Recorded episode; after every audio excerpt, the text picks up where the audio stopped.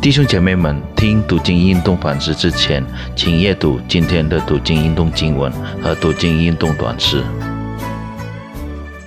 亲爱的弟兄姐妹，我们今天能够一起思想神的话语，是因为神赐给我们的机会。我们今天要一起思想的主题是蒙召，成为他的见证。我们先祷告。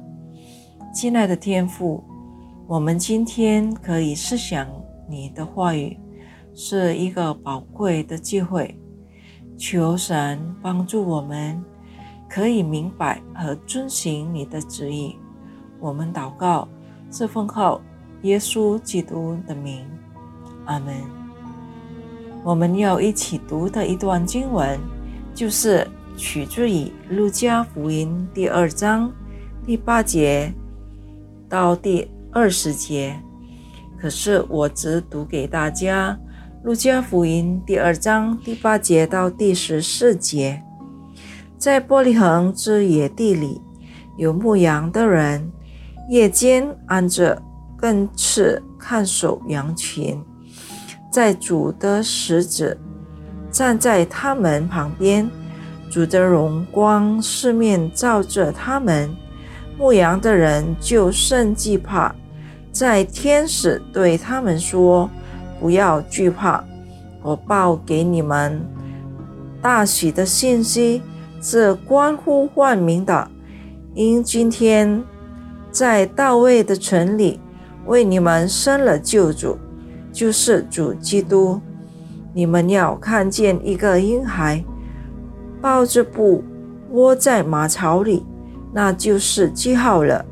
忽然有一个，忽然有一大堆天兵，同那天使赞美神，就在至高之处荣耀归于神，在地上平安归于他所许愿的人。神的话读到此为止，实在没有想到。首先听到耶稣基督诞生的消息，是正在看守羊群的牧羊人，而不是宗教领袖或社会领袖。在犹太社会中，牧羊人的地位是很低的，他们是受雇来看守别人的羊群。而他们一般上都是没有受过教育或学历低的人。牧羊人被拣选成为首先听到有关耶稣基督诞生的消息，表明了救主不是为那些受高等教育或社会地位高的人而来的。但也为那些被认为是遗作的人而来。他拣选那些被世人认为是软弱和卑贱的人，叫他们得救，并成为他的见证。哥林多前书第一章第二十六节到第二十九节，弟兄们啊！可见你们蒙召的，按这肉体有智慧的不多，有能力的不多，有尊贵的也不多。神却拣选了世上一座的，较有智慧的羞愧；有又拣选了世上软弱的，叫那强壮的羞愧。神也。拣选了世上卑贱的、被人压恶的，以及无人有的，唯要飞掉那有的，使一切有血气的，在神面前一个也不能自夸。见证希腊语 Mardia 是新兴生活的一部分。当一个人接受。和经历福音的大能，他就蒙召成为基督的见证。牧羊的人也是如此。圣诞的消息已将他们的惧怕变成大喜乐，他们蒙召成为他的见证。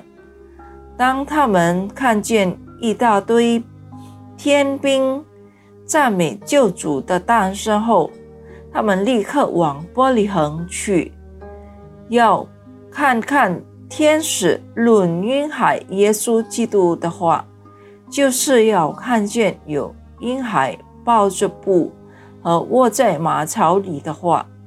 当他们到了那里，便见证。天使论孩子的话成就了。路加福音第二章第十二节和第十六节，作为回应，牧羊人便赞美和归荣耀于上帝。对于牧羊人遇见天使和遇见婴孩耶稣的经历。成为他们向周围人做见证的源头。虽然有些人对他们的见证感到惊讶，但玛利亚的反应是把一切的事存在心里，反复思想。记载在路加福音第二章第十九节。牧羊人的见证使他。坚信上帝确实要他参与他的拯救计划，正如牧羊人一样，每一个信徒也蒙召成为基督的见证。你是否真正接受基督，并经历改变生命的福音大能？体验生命改变的经历，就是我们可以向。别人见证的源头，包括在今年的圣诞节中，我们祷告主耶稣，我们要像牧羊人一样，成为你的见证人，求你帮助。谢谢主基督，我们如此祷告，是奉主耶稣基督的名，阿门。愿神赐福大家，我们以后再见。